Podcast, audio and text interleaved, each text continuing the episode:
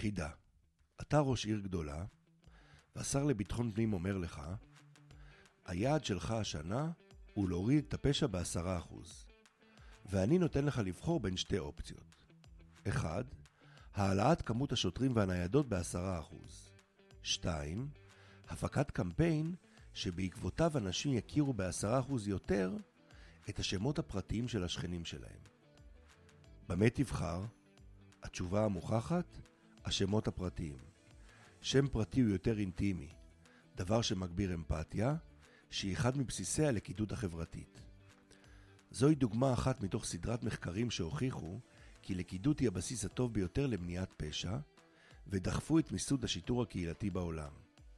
באיטליה הופעלה תוכנית לאומית למניעת פשע בשנות ה-80.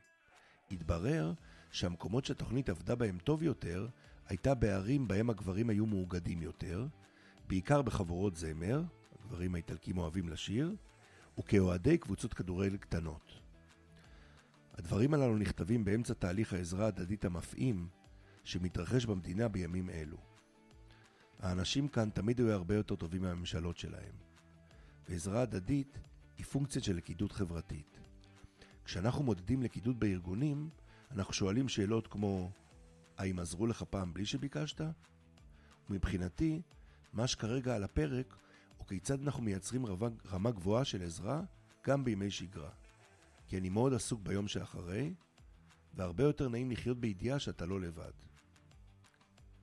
בשנת 2008 זומנתי לפגישה אצל מזכיר הממשלה. הייתה לו בקשה מפתיעה. תבנה אתוס חדש למדינת ישראל. אתוס מכליל בתוכו את השקפת העולם והערכים הבסיסיים של חברה. מטרתו הייתה להפיח רוח חדשה בציונות. והוא פנה לאנתרופולוג ולא נניח למשרד מיתוג, משום שאתוס חייב להיות אמיתי ולא מוצנח מלמעלה כמו פרסומת. האתגר היה למצוא משהו שמשקף את כל הקבוצות, כולל חרדים וערבים. הספקתי לשלוח נייר עבודה אחד לפני שממשלת אולמרט החלה להתפרק. אבל מה שהצעתי היה עזרה הדדית. הכוונה הייתה לתמיכה ולסיוע בין האנשים עצמם, והיא משותפת לכולם ובעוצמה ייחודית. יתפנצ'ר לך האוטו בכפר ערבי, יעזרו לך. בכפר בצרפת, אולי אף אחד לא יצא מהבית, מניסיון בשני המקרים. אז האתגר שלנו יהיה איך נכנסים לפרויקט לכידות ארצי. בשכונות, בית ספר ומתנ"ס מתאחדים למרכז אחד שפועל בכל היום, ומגיעים אליו כולם, מהילדים ועד לקשישים. מרכז קהילתי אמיתי. עבודה על לכידות במקומות העבודה כאג'נדה מרכזית, ובנייה של חברה אזרחית שתיקח עליה חלק מהמטלות שהמדינה הייתה אמונה עליהן. כי אולי משהו בשיטה הפוליטית לא מביא את האנשים הטובים למקומות שצריך אותם. זאת מהפכה בחשיבה, הפיכת הפירמידה.